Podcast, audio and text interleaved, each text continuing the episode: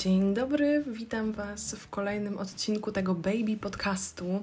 E, przede wszystkim na wstępie chciałabym Wam bardzo podziękować za dosyć ciepłe przyjęcie poprzedniego odcinka. Ja tak w ogóle chyba zaczęłam, że witajcie w kolejnym odcinku, jakbym zrobiła tych odcinków już jakieś 15, a to w gruncie rzeczy jest drugi.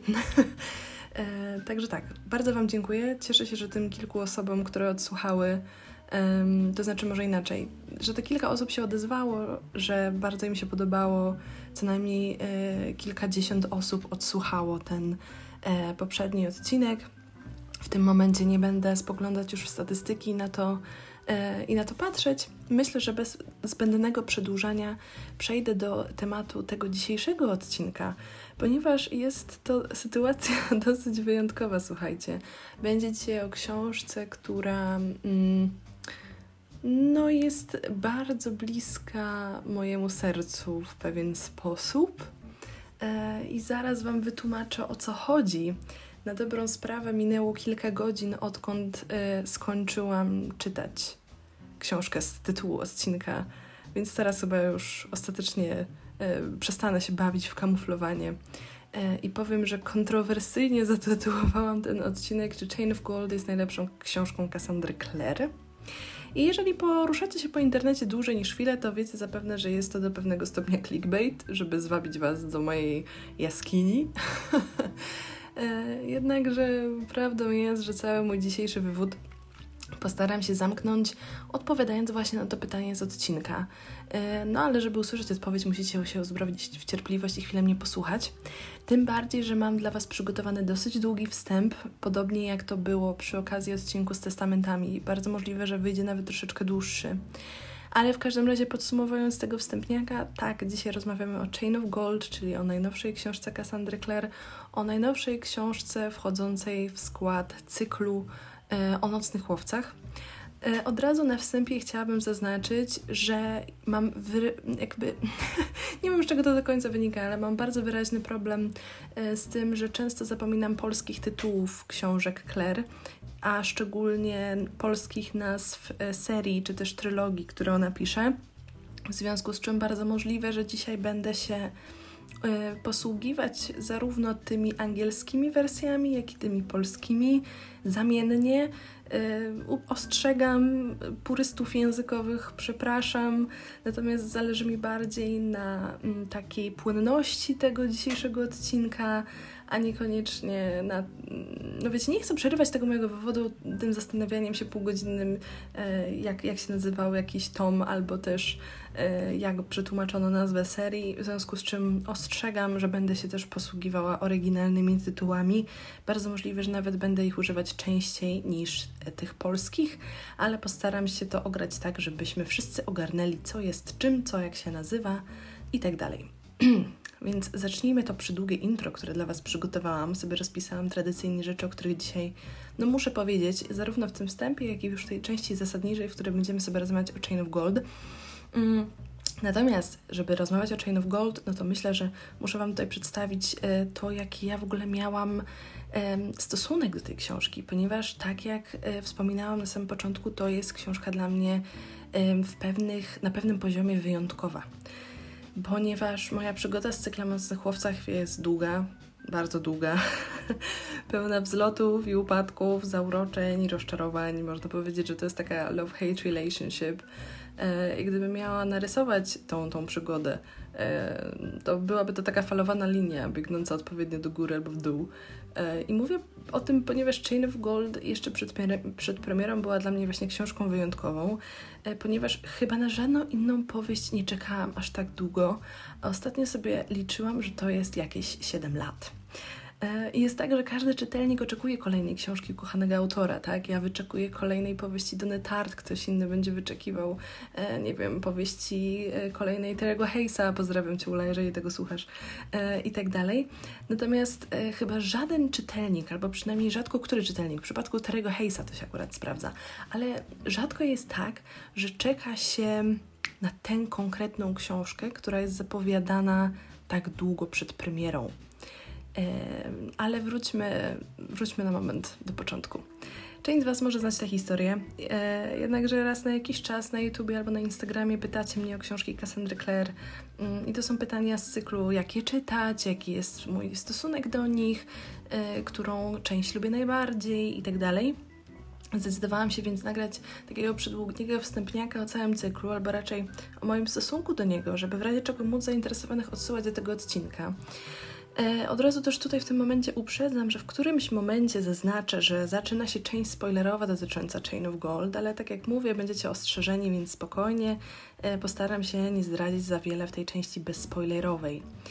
E, no ale wracając właśnie do, do początków tej serii w Polsce – bo można powiedzieć, że ja trochę towarzyszę tym książkom, albo też one towarzyszą mi już od naprawdę dawien dawna, ponieważ Miasto Kości kupiłam na krótko po premierze i to jest, to jest fajna historia, ponieważ jestem szczęśliwą posiadaczką absolutnie pierwszego wydania Miasta Kości, jakie w ogóle było i to nie tylko mam na myśli tą paskudną okładkę zaprojektowaną przez kogoś z wydawnictwa MAG, e, MAG ale także chodzi mi o to konkretne pierwsze wydanie. Wiecie, na stronach redakcyjnych bardzo często tutaj zaznacza się, że to jest wydanie pierwsze, drugie, trzecie, poprawione i tak dalej, i tak dalej. No i ja właśnie mam to Miasto Kości e, w wydaniu pierwszym, e, króciutko po premierze i to w sumie sprawiło, że ja nigdy tej książki nie wymieniłam na tą nowszą, ładniejszą oprawę, które mi się tak bardzo podobają, bo mam jakiś taki ogromny sentyment do tego pierwszego wydania i w sumie część mnie cieszy się, że, że ją mam. E, słuchajcie, Miasto Kości to jest bodaj rok 2008 w Polsce, 2007 w Stanach. E, ja miałam wtedy lat, Boże kochany, to jest 2008, czyli to jest 12 lat temu? Czy ja dobrze liczę? Mój Boże, to jest kawał czasu temu, słuchajcie, to ja miałam 12-13 lat w tym momencie. Więc chyba się nie zdziwicie, jeżeli powiem, że to była absolutna miłość. Ja się zakochałam właściwie od pierwszego wejrzenia. Mm, to były jeszcze czasy, kiedy Dary Anioła miały być trylogią, a nie heksalogią. E, no i słuchajcie, po mieście kości było miasto popiołów, na które bardzo długo wyczekiwałam. No i miasto szkła. Idealne domknięcie, e, które czytałam spokojnie ze trzy razy. To znaczy całość. Tą pierwszą podstawową trylogię Darów Anioła to tak kilka razy sobie powtórzyłam. I wydawało mi się, że to jest w ogóle genialnie zamknięta opowieść. I ja naprawdę nie miałam żadnego takiego poczucia, że czegoś mi tutaj brakuje. I jako ta no 14, wtedy chyba mniej więcej letnia dziewczyna, no to, to naprawdę nie wymagałam wiele. Następnie na rynku pojawił się Mechaniczny Anioł, e, czyli pierwszy tom, teraz żebym nie spaliła polskiej, polskiej nazwy, no i widzicie, o to mi właśnie chodziło na początku, to są Diabelskie Maszyny. No i przeczytałam tego mechanicznego anioła i podobał mi się on, ale nie wzbudził on we mnie takich emocji, co dary anioła na tamtym etapie. Ponieważ ja wyczu wyczuwałam podskórnie pewne podobieństwa, które mm, łączą mechanicznego anioła z miastem kości szczególnie. E, natomiast te podobieństwa nauczyłam się lepiej wychwytywać dopiero później, e, a także je nazywać, e, ponieważ to też należy pamiętać, że to jest początek kariery Cassandry Clare i ona jeszcze nie ma takiego rozrzutu w kreowaniu portretów psychologicznych i sytuacji, mm, jaki ma w tej chwili. No jest teraz już o wiele bardziej doświadczoną pisarką. Także jak widzicie, początkowo ta trylogia Infernal, Infernal Devices ona jakoś nie rozbudziła we mnie hmm, takiej miłości jak, jak Dary Anioła właśnie, e, przez co przez długi czas ona nie była dla mnie aż tak droga. E, znaczy droga mam na myśli bliska, bliska mojemu sercu. E, no i płynnie przechodzimy do takiej fazy, której będę opowiadać, mm, którą, którą jest taki pierwszy moment, w którym zaczęłam, dużo których w tym zdaniu, w którym zaczęłam wątpić trochę w twórczość Claire. E, w 2011 roku wydały zostane dwie jej książki, e, czyli Miasto Upadłych Aniołów, jedna z dwóch najbardziej bezbarwnych powieści w jej karierze, naprawdę, e, oraz Mechaniczne Książę. I przyznam, ani jedna, ani druga nie wzbudziła we mnie jakichś większych emocji, co też wiązało się z powolną zmianą mojego gustu literackiego, ponieważ zaczęłam w tamtym czasie powoli odchodzić od fantastyki i zaczęłam sięgać po literaturę obyczajową, szczególnie no, po takie dramaty obyczajowe które w tamtym czasie zaczęły mnie bardzo interesować. E, I pamiętam, że ten okres zdominowała swoimi powieściami Jodie Picoult, e, która dla gimnazjalnej mnie tworzyła najciekawsze psychologiczne portrety, z jakimi się spotkałam do tej pory. E, I możliwe, że gdybym sięgnęła do tych książek teraz, powiedziałabym coś zupełnie innego, ale na razie nie mam ani czasu, ani ochoty, by to sprawdzać. I takim ostatnim rzutem trochę przeczytałam jeszcze Miasto Zaginionych Dusz i odstawiłam Claire na bok. Byłam pewna, że to już nie jest seria dla mnie e, i że to, to, to już nie ma sensu. Gdzieś raz, że straciłam taką, takie zainteresowanie tą serią, dwa, że zaczęły mnie interesować trochę inne książki, trzy, ja też przechodziłam powoli taki um, okres, w którym wydawało mi się, że fantastyka to są książki właśnie nie dla poważnych czytelników, nie dla dojrzałych ludzi. Jezu, to w ogóle kompletna bzdura, jak tak teraz o tym myślę, ale no wtedy tak myślałam. Wydaje mi się, że trochę wtedy panowało takie, takie przekonanie, że, że to fantastyka, takie bajanie dla młodych ludzi, a jak chce się być już poważną osobą, to się czyta trochę inną literaturę. I ja trochę wpadłam w, e, w tą pułapkę, przez co odstawiłam właśnie Claire na bok, tak jak powiedziałam. I zbierając materiał do tego odcinka i spisując wszystko, o czym chciałabym Wam powiedzieć, zaczęłam się zastanawiać, co mnie tak właściwie skłoniło do powrotu do tej serii. I szczerze mówiąc, nie potrafię Wam powiedzieć. Ponieważ pamiętam, że minęło trochę czasu, chyba ze dwa lata, kiedy wpadłam e, do świata nocnych łowców ponownie. Przeczytałam Mechaniczną Księżniczkę oraz Miasto Niebieskiego Ognia e, i nie żałowałam absolutnie nie żałowałam. Ja tak teraz trochę zastanawiając się nad tym, co mnie skłoniło, to wiecie, może po części to był Tumblr, bo to był ten czas, kiedy Tumblr wydaje mi się był niesamowicie popularny i wszyscy siedzieli na Tumblrze i ja też.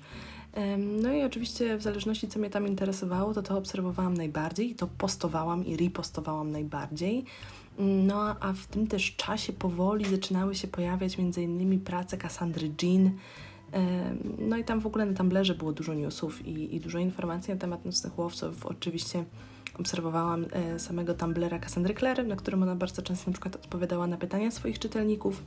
Mm, wtedy to tak rozumiałam, to wszystko tak trzy po trzy, bo mój angielski nie był jeszcze no tak dobry, jak jest teraz, co jest oczywiste. natomiast słuchajcie, Clockwork Princess wstrząsnęło mną jak wieloma czytelnikami. I rzeczywiście wtedy poczułam, że ta trylogia Infernal Devices tak spina mi się w jedną całość i, i faktycznie zaczęłam doceniać tę serię, zaczęłam doceniać tę historię, zaczęłam doceniać szczególnie Tessę, która po czasie w ogóle bardzo we mnie urosła.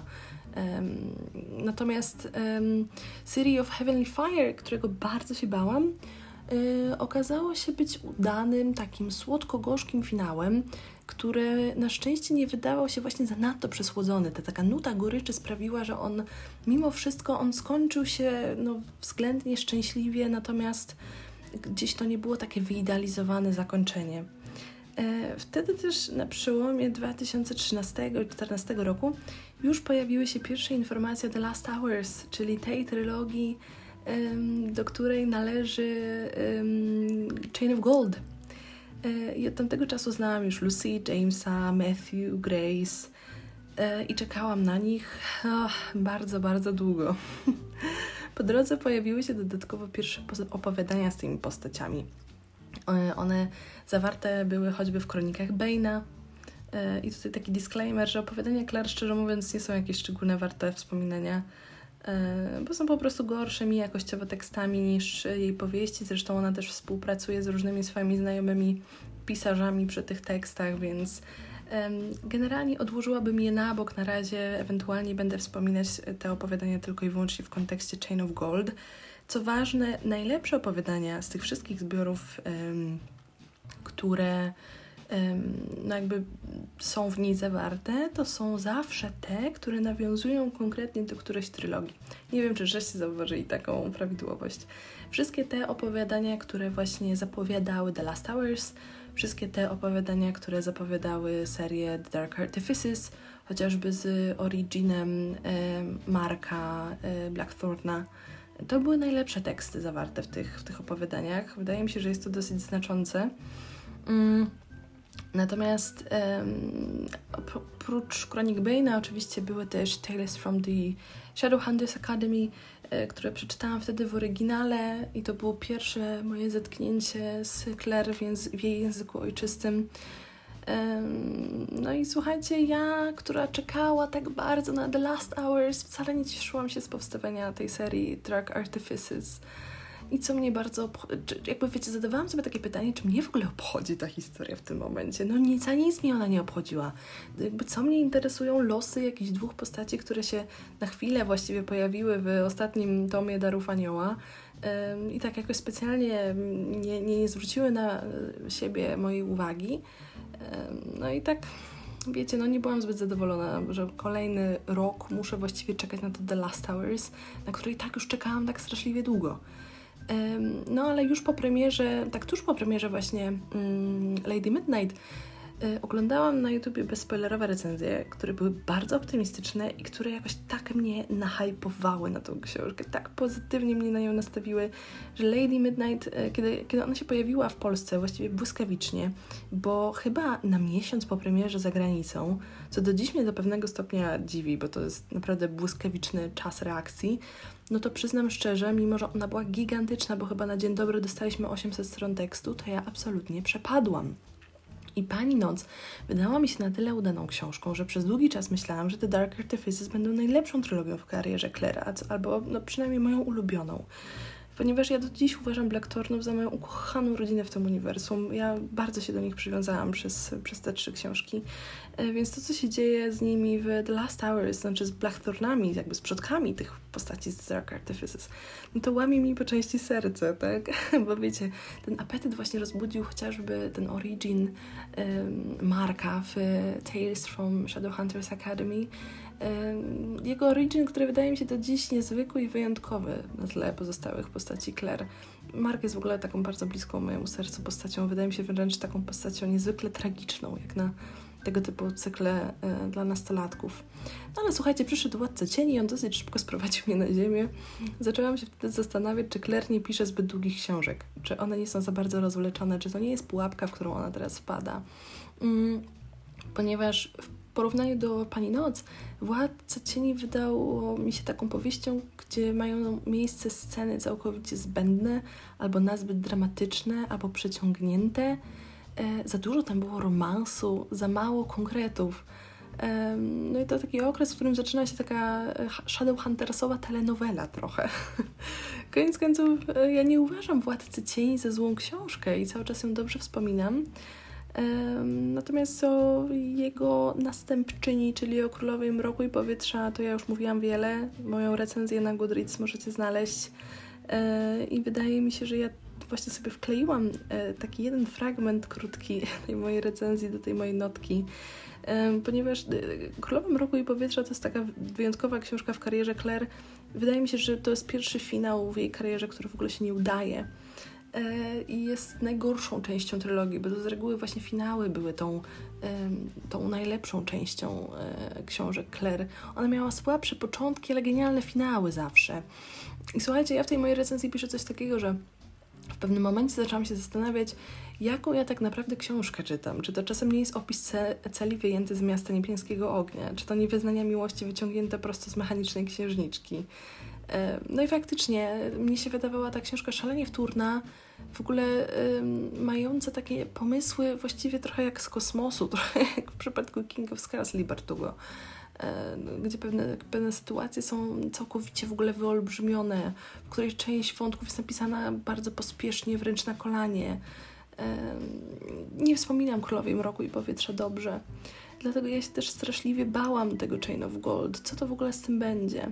Z tego też powodu, e, po drodze, kiedy po drodze pojawiło się Red Scrolls of Magic, to, to książka mnie kompletnie nie zainteresowała, bo też Unpopular Opinion, fun fact, nie szaleje za Malekiem. To znaczy nic do nich nie mam, lubię ich, natomiast nigdy nie podzielałam tej takiej zbiorowej ekscytacji fandomu Shadowhuntersowego e, dotyczącego właśnie Maleka. E, natomiast ze zbioru Tales from the Shadow Market, e, zaraz, czy to są Tales from, nie, to są Ghosts of the Shadow Market, e, to przeczytałam właściwie tylko dwa opowiadania, te, które zawierają originy dwóch, jednych z najfajniejszych postaci e, pojawiających się w Chain of Gold, czyli Anne Lightwood i Matthew Fairchilda. E, no i w ogóle już w tym momencie zalecam sięgnięcie po te dwa krótkie teksty. One są, to są numery chyba 1 i 2. Pierwsze dwa opowiadania wydaje mi się, że w tym zbiorze. Musicie do końca sprawdzić. E, ponieważ wydaje mi się, że one wzbogacają odbiór Chain of Gold i lektura bez nich jest nie do końca pełna. No i słuchajcie, dotarliśmy w końcu do sedna. Myślę, że teraz zaczniemy ten taki segment dotyczący tego, jakie wrażenie wywarła na mnie najnowsza książka Claire. No i jak w ogóle działa ta najbardziej wyczekiwana powieść dziesięciolecia, bo chyba tak ją mogę nazwać, albo czy działa, czy nie działa. E, no i powiem Wam wprost. Uważam Chain of Gold za najlepiej napisaną książkę Claire. Styl jest bardziej elegancki, taki łagodniejszy. Portrety postaci nie są tak definitywne. Jak gdyby Claire pozbawiła ich trochę tych takich ostrych krawędzi, które często sprawiały, że niektóre postacie były takie aż za bardzo. To znaczy, pamiętam, myślę sobie tak teraz e, z perspektywy czasu, że w niektórych momentach sarkazm Jace'a był już tak irytujący, że naprawdę można było się znaleźć na granicy, szczególnie jeżeli komuś um, przeszkadzają tego typu postacie. No tej dwunastoletniej czy trzynastoletniej mnie to to bardzo imponowało, ale z biegiem czasu ja, ja się zorientowałam, że chyba wcale jednak nie, prawda, jak byłam trochę starsza. E, w Chain of Gold czegoś takiego nie ma. E, I naprawdę przyjemnie czyta się po latach tak napisaną książkę autorki, którą obserwuje się od tak dawna. E, I z drugiej jednak strony ta łagodność w niektórych miejscach odniosła odwrotny skutek, ponieważ dla postaci takich jak Thomas Lightwood czy jego kuzyn Christopher trochę zabrakło materiału. To znaczy, to są takie postacie, które wypadają na tle innych bardzo blado. One są określone dwoma prostymi kreskami i szczerze mówiąc, w tej części nie miały zbyt wiele do, za do zaoferowania. Mm, szczególnie że do pozostałych portretów Claire mocno przysiadła i ta książka, myślę, stoi postaciami. Myślę, że mogę tak powiedzieć. Wydaje mi się, że w Chain of Gold względnie udało się zachować ten pomysł na pewne cechy charakteru przekazywane sobie przez kolejne pokolenia w konkretnych rodzinach hej, patrzę na was, Herondale'owie, jednocześnie nie tworząc jak gdyby kopii postaci z innych trylogii czy cyklu e, Mortal Instruments, tak? Czyli na przykład James Herondale nie jest jakby kopią swojego ojca Willa jeden do jednego. Ja się o niego bałam najbardziej, ale wydaje mi się, że Claire udało się stworzyć z niego samodzielną postać mimo wszystko, która ma oczywiście wiele z ojca, ale nie jest jak gdyby jego kolejnym wcieleniem, jakby kolejną jego reprodukcją. I słuchajcie, no niesamowicie na przykład wzruszył mnie wątek siostry Jamesa, Lucy, jej umiejętności, która mm, pozwala jej się spotkać z Jessim Blackthornem. Ja tutaj mówię to tak bardzo enigmatycznie, żeby za bardzo Wam nie zdradzić fabuły. E, przejdę oczywiście bardziej do szczegółów w tym segmencie spoilerowym, ale to jeszcze nie ten moment. E, jeżeli chodzi o Jessa i Lucy, właśnie posłuchajcie, to jest Jess, więc nie, to nie jest Jessie, tylko Jess, także od razu zaznaczam, bo pamiętam, że chociażby tłumacz Maga miał w ogóle straszliwy problem z odmienianiem Jace'a, to też tutaj mamy Jessa tym razem. Słuchajcie, scena otwierająca e, Chain of Gold, właśnie z nimi w roli głównej, z Jessem i z, z Lucy, była jedną z najlepszych rzeczy, jaka mi się ostatnio przydarzyła, jeżeli chodzi o literaturę. E, ona była magiczna, taka baśniowa, tajemnicza brzmiąca trochę tak, jakby ją e, nie Claire napisała, a Holly Black. Um, I koniec końców to chyba właśnie ten wątek dotknął mnie najbardziej i zostawił do pewnego stopnia pustą. I wow, bo ja się naprawdę nie spodziewałam, że to będzie coś, co we mnie zostanie na dłużej po tej książce. Jakby Myślałam, że zupełnie kto inny będzie moim faworytem. Zupełnie inaczej sobie na przykład Jamesa wyobrażałam. Byłam pewna, że on będzie o wiele bardziej taką dramatyczną postacią, taką tragiczną, taką trochę przypominającą Willa z Clockwork Angel, taką niezwykle dramatyczną, ale jednocześnie e, w porównaniu do, do Jace'a albo do Willa bardziej taką zamkniętą, taką przyciszoną, trochę może nawet nieśmiałą. Ale jednak co Herondale to Herondale, nic z tego, żadnej nieśmiałości w ogóle nie ma mowy tutaj.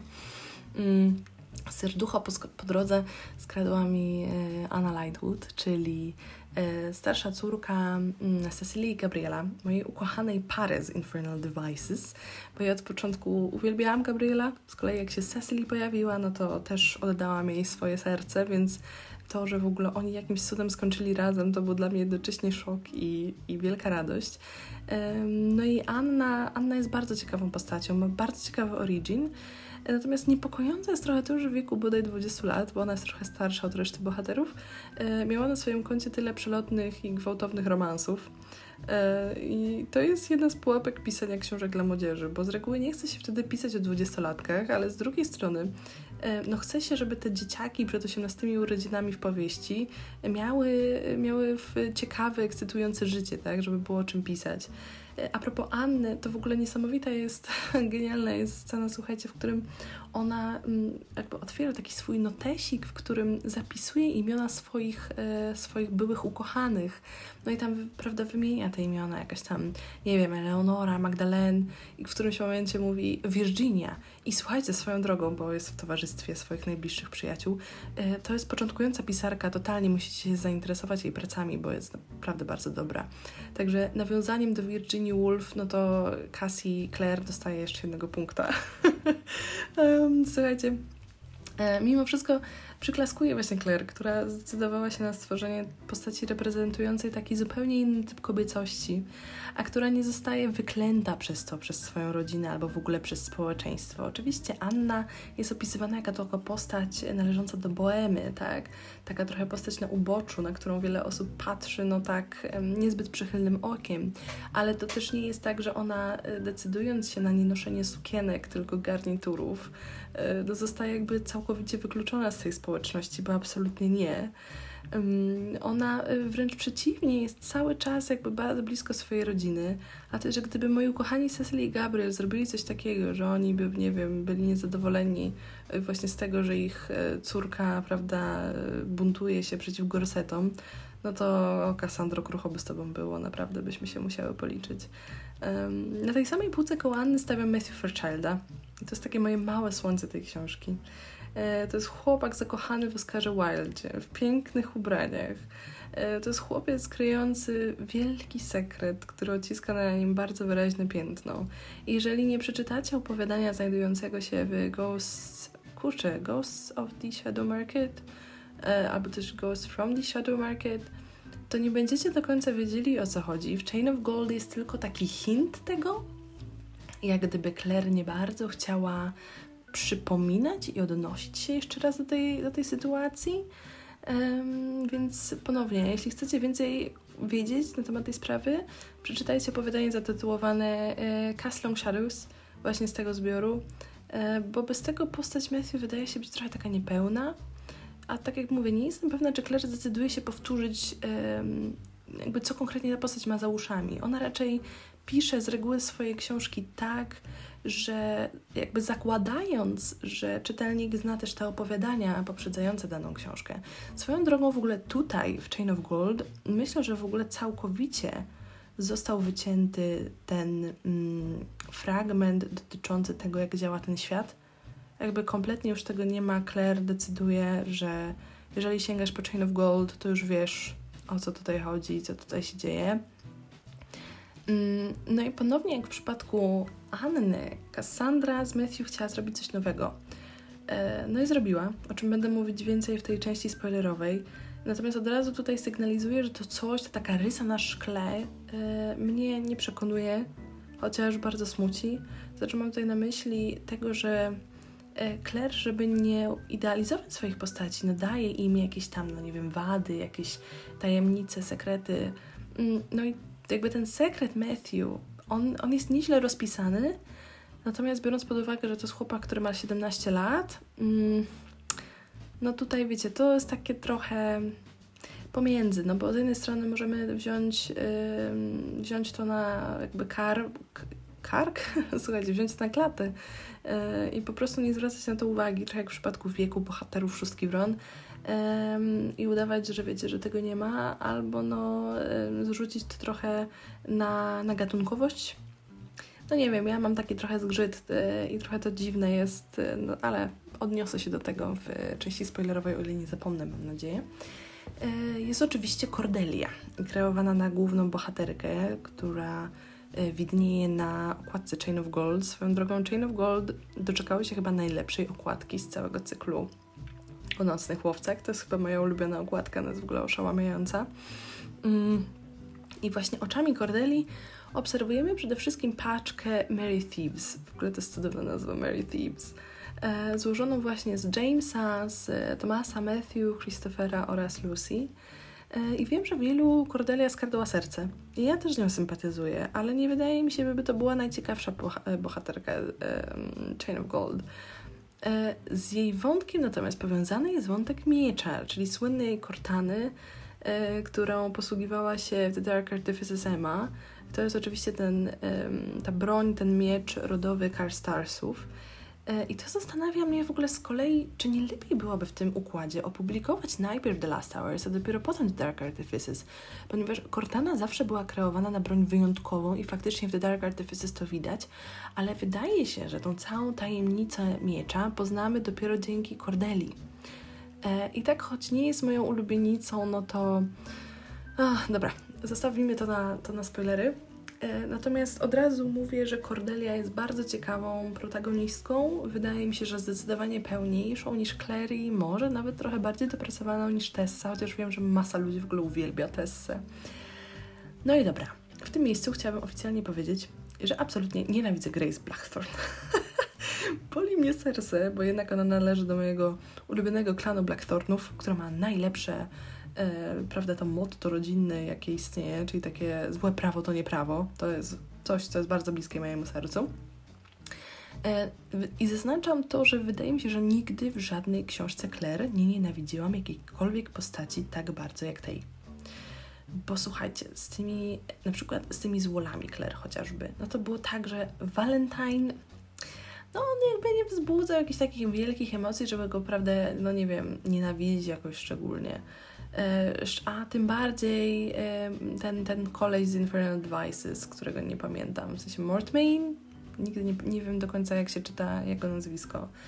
E, Sebastian Morgenstern z kolei z, z, z Mortal Instruments to jest postać niesamowicie fascynująca, tragiczna i w ogóle takiej, której losy no, chętnie śledziłam, z którą wręcz sympatyzowałam po drodze, ale to dlatego, że lubię Zwoli po prostu i, i tyle. Malcolm Fade z kolei w, w The Dark Artifices to była bardzo ciekawa postać, wydaje mi się. On swoją drogą pojawia się w Chain of Gold, tak żeby było śmieszniej. Yy, Annabelle była mi absolutnie obojętna, tam w sumie no, naprawdę w The Dark Artifices, czy był ktoś, kogo tak nienawidziłam jakoś bardzo? O, była, była ta dziewczyna, która była powiązana z, hmm, z Diego, z tym takim hiszpańskim wątkiem, z tym wątkiem Krystyny. Ona się nazywała Zara? Czy ja dobrze myślę?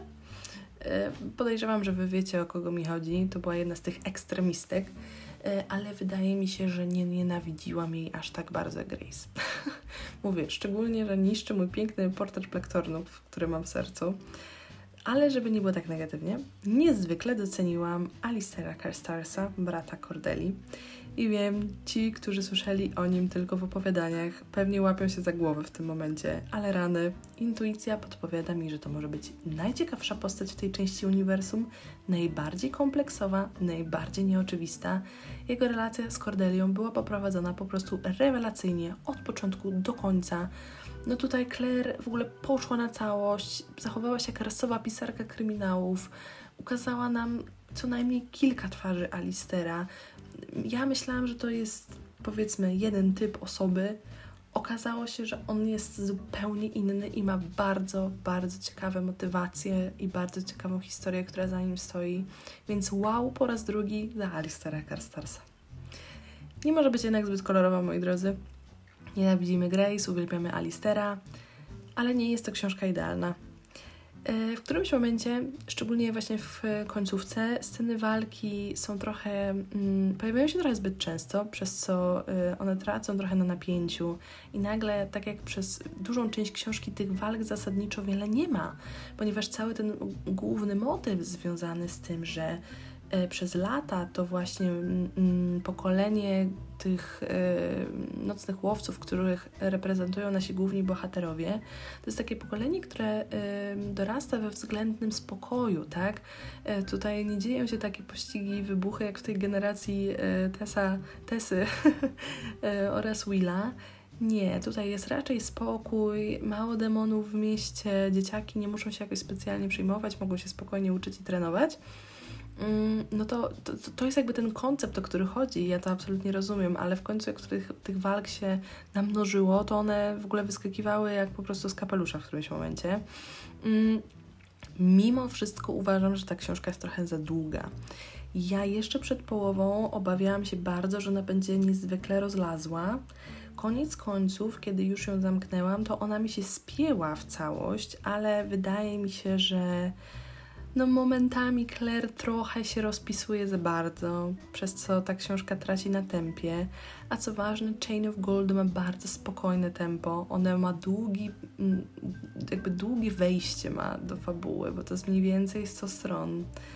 E, co zresztą z tego co wiem, to mm, także podkreśla Emma z kanału Emma's Books, bo sobie chwilkę obejrzałam jej, jej reading vloga e, właśnie z czytania Chain of Gold i ona też to zaznacza, ten taki przydługi wstęp. Mnie się on osobiście akurat podoba, zaraz do tego przejdę dlaczego. no znowu mamy sugestię trójkąta miłosnego, który jej trochę mi popsuł tą jedną postać, która sugeruje zainteresowanie tą inną postacią, więc przez to mamy taki trójkąt, żeby nie powiedzieć wręcz czworokąt miłosny. I to jest taki motyw, którego wolałabym nie widzieć, bo on był w gruncie rzeczy chyba w każdej serii Claire, jaką sobie przypominam, no bo był oczywiście w The Mortal Instruments, e, był oczywiście w Infernal Devices, chyba najbardziej wyraźny trójkąt miłosny, jaka w ogóle istniał w literaturze. E, był w hmm, The Dark Artifices, wyjątkowy trójkąt, który przez bardzo długi czas mi się podobał, czyli Christina Marke i Kieran. No i mamy teraz tutaj kolejny, e, który no w gruncie rzeczy tak wychodzi nie wiadomo do końca skąd, ponieważ ta postać, która zostaje włączona w ten trójkąt, tak nie do końca zdradza motywację, dlaczego, dlaczego to w ogóle ma miejsce. Słuchajcie, mamy 36 minut, a ja jeszcze, jeszcze nie skończyłam, jeszcze mam coś do powiedzenia, ale dobra, musimy wytrwać. Co tutaj jeszcze mam wypisane, żeby niczego nie ominąć? E, słuchajcie, e, trochę przydługie zakończenie ma Chain of Gold. Natomiast na to zakończenie warto zwrócić uwagę, ponieważ ono jest nie do końca oczywiste i jednocześnie wskazuje dosyć jasno na to, co chce, na, na co chce postawić Claire tym razem. E, bo dawno, dawno temu za czasów City of Bones Claire skończyłaby Chain of Gold mniej więcej na 100 stron przed epilogiem. E, nie powiem Wam jaką sceną. Wydaje mi się, że jak będziecie czytać, to będziecie doskonale wiedzieć. W każdym razie taką dosyć efektowną sceną walki by skończyła zapewne, która się ma taki dosyć dramatyczny wydźwięk, prawda? Tam dzieją się rzeczy dosyć tragiczne. E, natomiast zwróćcie jednak uwagę, co tak naprawdę kończy tę powieść, jak będziecie ją czytać.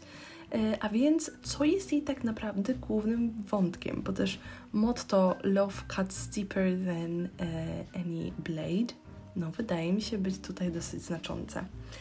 E, tutaj e, najciekawsze nawiązanie do dzieła będącego patronem serii mamy, ponieważ wiecie, że mm, Claire pisze trochę w odwołaniu do różnych dzieł swoich jakby ukochanych. No i w przypadku Infernal Devices to była to było, Boże, opowieść o dwóch miastach Charlesa Dickensa. W przypadku Dark Artifices to z kolei były utwory Edgara Allana Poego z Annabelle e, na pierwszym miejscu, a tutaj mamy wielkie nadzieje Dickensa, czyli ponownie powracamy do, do pana Charlesa. No i tutaj e, główny motyw opiera się, prawda, na postaciach Grace i Jamesa.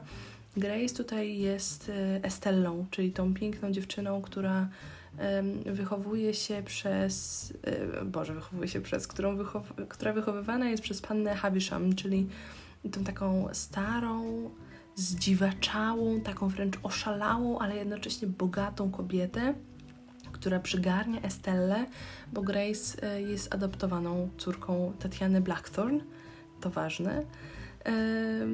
Ona bodaj jest z rodziny Cartwright, o ile się nie mylę. Mm, prawda, więc, y, więc tutaj Estella to jest zdecydowanie Grace, natomiast rolę Pipa, czyli y, głównego bohatera Wielkich Nadziei, no to gra James do pewnego stopnia. Mm, I tutaj wiele jest takich fajnych, małych baby nawiązań do Wielkich Nadziei, za co, no, za co duży plus generalnie. E, coś, do czegoś miałam jeszcze wrócić, kurczę, e, a propos chyba trójkąta miłosnego, czy nie, czy przy długiego zakończenia, kurczę, No, mogłam to od razu powiedzieć, bo teraz nie do końca wiem, co chciałam powiedzieć. Hmm, no dobra, no trudno, zostawmy to, może mi się przypomni. E, kochani, jeżeli chodzi o e, segment bezspoilerowy, to ja tutaj powoli będę kończyć. Powiem Wam tak na podsumowanie. To nie jest książka, która rozbudziła we mnie takie emocje jak na przykład Lady Midnight, po której no ja w ogóle nie mogłam usiedzieć na miejscu i potrzebowałam drugiego tomu na już teraz. Prawdopodobnie to wynikało z tego słynnego why lie na samym końcu, które w ogóle postawiło mnie pod ścianą i, i miałam wrażenie, że wyjdę z siebie, jak się zaraz nie dowiem, jak to się dalej potoczy. Um, tutaj wydaje mi się, że jakościowo, pod względem warsztatu, ta książka w ogóle stoi, stoi jeszcze piętro wyżej nad wszystkimi innymi dokonaniami Claire. Ma bardzo ciekawe portrety psychologiczne, ma bardzo ciekawe backgroundy, wiele interesujących problemów społecznych też tutaj porusza i to nie tylko takich, do których jesteśmy przyzwyczajeni, bo mówię tutaj na przykład jeszcze o problemie alkoholizmu, ale w jakim to się wydźwięku pojawia, y, to omówię w segmencie spoilerowym. Dla tych, którzy nie chcą wiedzieć, to tylko zaznaczam, że takowy się pojawia. No i co? Jestem zaintrygowana, chcę wiedzieć więcej. Nie kocham chyba tej książki aż tak bardzo, jak się spodziewałam. Uważam, że jest bardzo solidna, bardzo dobrze napisana, ale to nie jest książka idealna. Ona mną tak nie zawładnęła jak Pani Noc. O, już chyba przypomniałam się, co chciałam powiedzieć. Bo słuchajcie, mm, Emma z Emma's Books, ona zaznacza, że niejako um, Chain of Gold powraca trochę do takiej bazy, do tego momentu, od którego w ogóle wszystko się zaczęło, czyli przede wszystkim od układu między nocnymi łowcami a demonami, i to prawda.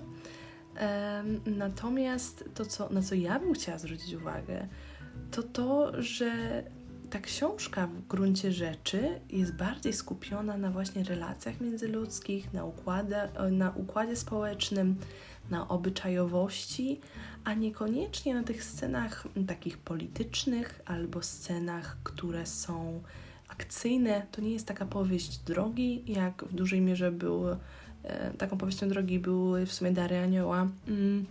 Tutaj mamy coś zupełnie innego, ta warstwa obyczajowa i to wykorzystanie e, epoki edwardiańskiej E, w tle wydaje mi się być bardzo trafne i bardzo ciekawe, przez co Chain of Gold jest książką zupełnie inną, która ma spokojniejsze, wolniejsze tempo, która jest mniej dynamiczna, ale to nie znaczy, że jest nudna. Wydaje mi się, że te napięcia między postaciami naprawdę nadrabiają, e, więc dzięki temu dobrze się to czyta. I to tyle, jeżeli chodzi o wątek bezspoilerowy. Kochani, po raz ostatni ostrzegam, wchodzą teraz spoilery. 3, 2, 1. Jeżeli jeszcze nie wyszliście, to macie ostatnią szansę. Więc zaczynamy. Segment spoilerowy, moi drodzy, mam wypisany po myślniczkach szybciutko, co bym chciała z Wami omówić, co wzbudziło we mnie największe emocje. No i na samym początku Jess Blackthorne i jego ostatni dech, że tak powiem, his last breath, który oddaje w tra tragicznym, takim dramatycznym momencie e, Jamesowi.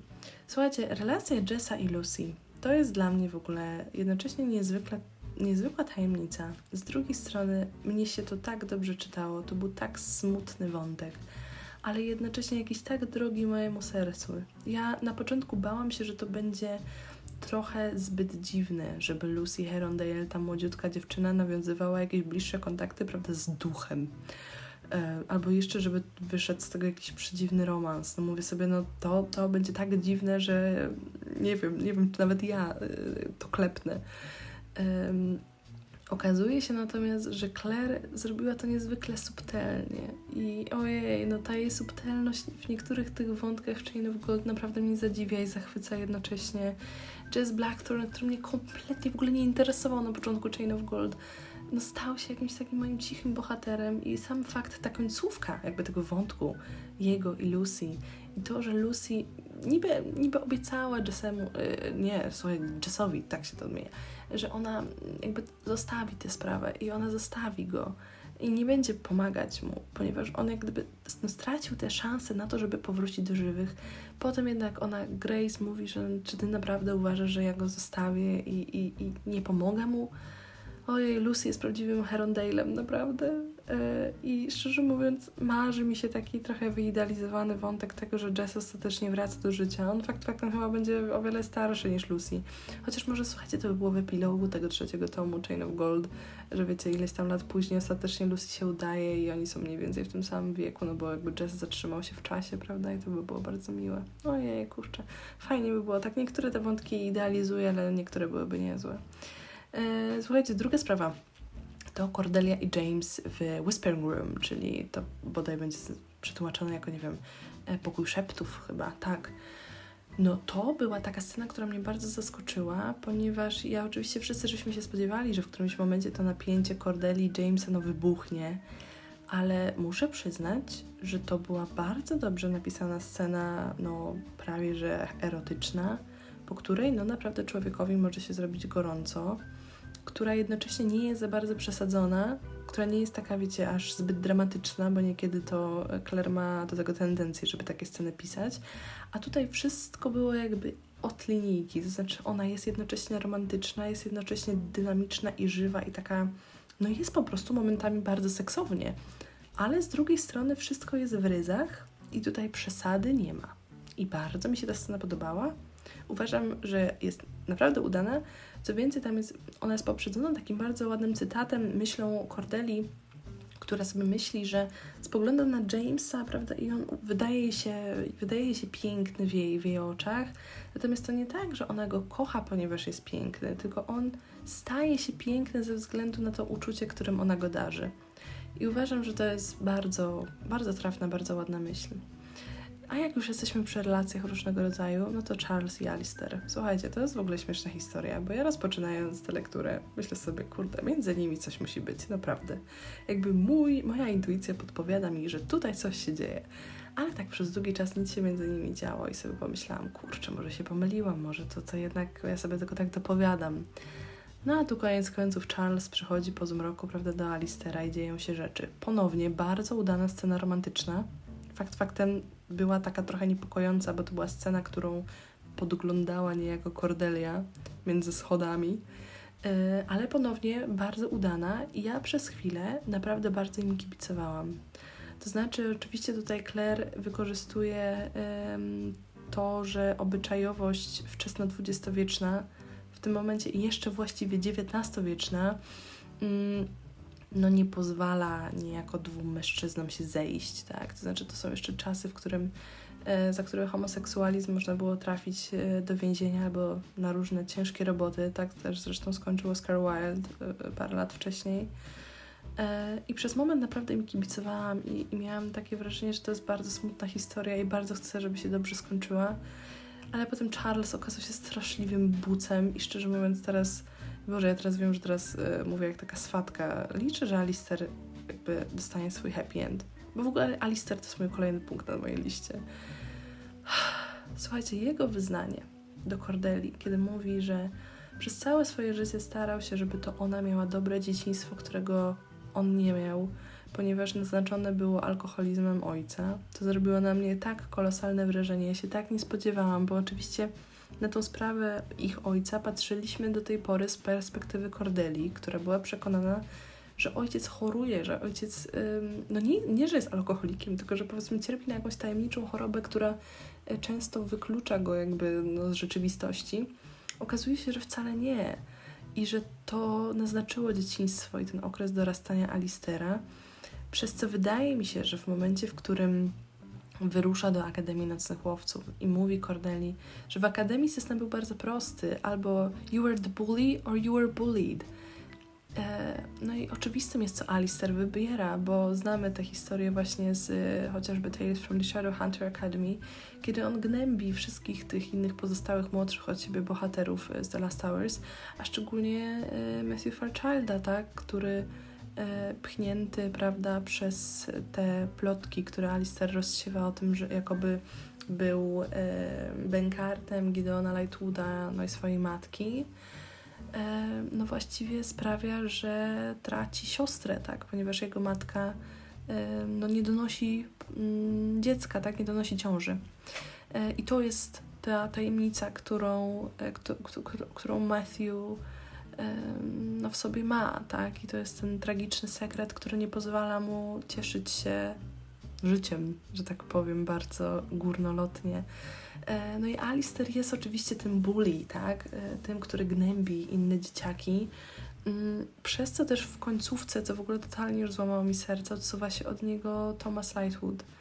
Mało się o tym mówi, ale ten rozdział mm, pisany z perspektywy Tomasa, ten jeden dotyczący tego czasu spędzonego z nimi, w sensie z Alisterem w Paryżu, to jest kolejny piękny, subtelny popis pisarstwa Claire. Jak ona dojrzała warsztatowo, to ja nie mogę wyjść z podziwu. Jestem naprawdę bardzo, bardzo zadowolona, że tak to się wszystko potoczyło. I tak jak Thomas, no jakby nie zyskał mojej sympatii specjalnie. Tak w momencie, w którym hmm, chyba Lucy, tak, idzie za tym Alisterem, który chce opuścić e, to przyjęcie zaręczynowe, E, I Lucy orientuje się, że Alice po prostu powstrzymuje łzy i on widać, że on żałuje, że on nie chciał być tym, który gnębi inne dzieciaki, ale niejako został zmuszony. Ja mam nadzieję, że tutaj coś jeszcze więcej Claire o nim napisze, no bo to jest dla mnie historia w ogóle flagowa w Chain of Gold i Alistair ponownie jest jakąś taką tragiczną postacią, która mnie tak niesamowicie do siebie przyciąga, bo ma niezwykły potencjał. Uuu, kochani, to jest po prostu wow, to jest duży kaliber.